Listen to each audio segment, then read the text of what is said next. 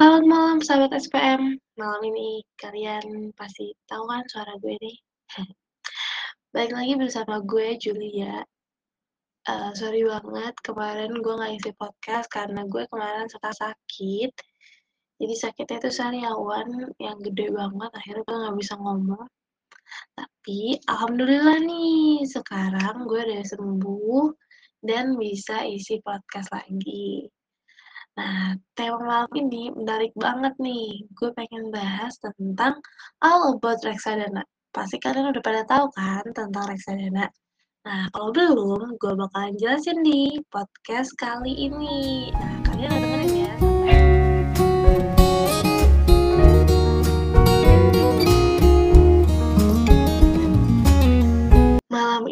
gue sendirian guys. Nah, kenapa gue kok pengennya sendirian? karena gue tuh adalah salah satu investor reksadana. Gue juga beli reksadana karena gue nggak punya banyak waktu buat mantau saham. Walaupun begitu, gue pengen uang gue tuh uh, tetap bekerja untuk gue gitu. Nah, alhamdulillah untuk saat ini gue udah mendapatkan keuntungan dari reksadana. Walaupun memang lama jangka waktunya untuk mendapatkan keuntungannya. Sebenarnya reksadana itu apa sih? Reksadana itu adalah alternatif investasi bagi masyarakat pemodal, khususnya pemodal kecil yang nggak punya banyak waktu dan keahlian untuk menghitung resiko atas investasi mereka. Sebenarnya uh, reksadana itu bisa diartikan juga sebagai wadah yang dipergunakan untuk menghimpun dana dari masyarakat untuk selanjutnya diinvestasikan dalam portofolio efek yang akan dikelola oleh manajer investasi. Jadi kalian nggak perlu repot-repot buat mantau uh, lagi. Jadi dia tuh dikelola sama manajer investasi. Nah, gue bakalan jelasin jenis-jenis reksadana. Sebenarnya jenis reksadana tuh ada banyak banget. Cuman gue mau jelasin yang secara umum aja nih. Reksadana itu terbagi ada empat. Yang pertama ada reksadana pasar uang, reksadana saham, reksadana obligasi, dan reksadana campuran. Kalau reksadana pasar uang itu kurang lebih masa jatuh temponya tuh kurang dari satu tahun. Kayak deposito, terus ada sertifikat Bank Indonesia, ada surat berharga pasar uang, sama ada juga sertifikat deposito. Dan masih banyak lainnya instrumen investasi pasar uang. Selanjutnya ada reksadana pendapatan tetap. Kalau pendapatan tetap itu adalah obligasi, yang mana 80% itu aktifannya dalam bentuk efek utang ataupun obligasi. Tujuannya untuk menghasilkan tingkat pengembalian yang stabil dan resikonya itu relatif lebih uh, besar dibandingkan dengan reksadana pasar uang. Kalau reksadana pasar uang itu relatif menaik, sedangkan kalau reksadana pasar pendapatan tetap itu kayak saham aja gitu, tapi resikonya lebih kecil. Selanjutnya ada reksadana campuran. Nah, kalau reksadana campuran ini, uh, reksadananya ini mengalokasikan dana investasinya dalam portofolio yang bervariasi. Jadi ada yang bentuk saham, terus dikombinasikan dengan obligasi. Tujuannya buat uh, menjaga pertumbuhan harga dan pendapatan. Nah, resikonya ini cukup moderat dengan uh, pengembaliannya juga yang relatif lumayan besar gitu. Nah, selanjutnya yang terakhir ada reksadana saham nih.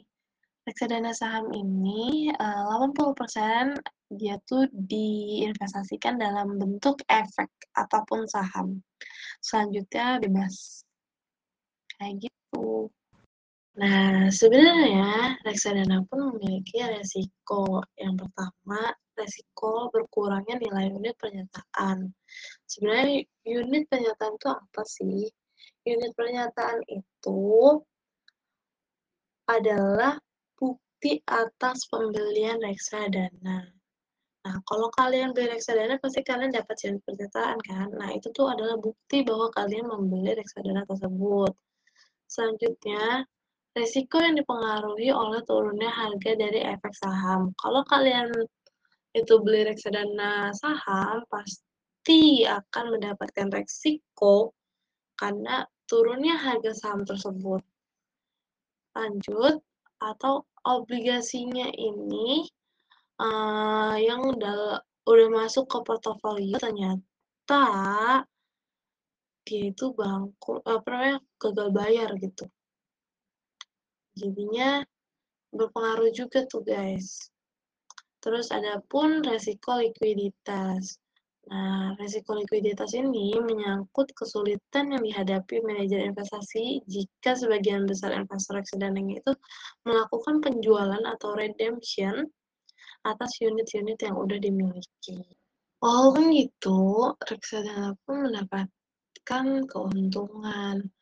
Walaupun keuntungannya itu yang nggak besar-besar banget sih guys, aku juga ada beli karena emang aku mungkin juga belinya juga nggak banyak kali ya, maksudnya nggak yang sampai ratusan juta. Mungkin kalau iya, kalau ratusan juta dapetnya lumayan. Karena aku belinya sedikit gitu ya guys. Jadinya untungnya juga nggak banyak-banyak banget, tapi ya istilahnya ya bertambahlah uangku gitu. Alhamdulillah. Nah, sebenarnya siapa sih yang jual reksadana, terus gimana cara ngebelinya? Kita tuh bisa beli reksadana tuh di beberapa aset manajemen ataupun marketplace yang menyediakan beberapa reksadana.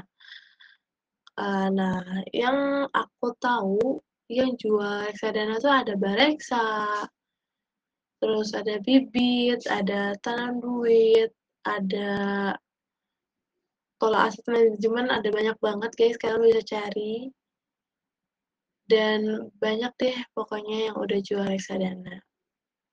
Mulai dari berapa sih reksadana tuh? Mulai dari 10.000 aja guys, kalian udah bisa beli reksadana aku beli reksadananya di pasar uang sama pendapatan tetap. Kalau di pasar uang aku mau investasiin selama setahun aja, sedangkan obligasi aku mau jangka yang agak lebih panjang nih dibandingkan pasar uang. Ya lumayan lah guys, daripada uangnya ditaruh aja, tapi nggak bekerja buat kamu, mendingan kalian investasiin aja di reksadana. Kalau kalian nggak punya waktu banyak buat mantau saham. Kayak aku nih guys, aku beli reksadana karena memang aku belum punya waktu untuk beli saham. Sebenarnya bisa aja sih untuk investasi, tapi aku lebih ngerasa aman kalau uangku ditaruh di reksadana. Cukup segitu aja sih guys podcast malam ini. Terima kasih ya guys sudah dengerin podcastnya sampai habis. Sampai jumpa di minggu depan. Bye-bye.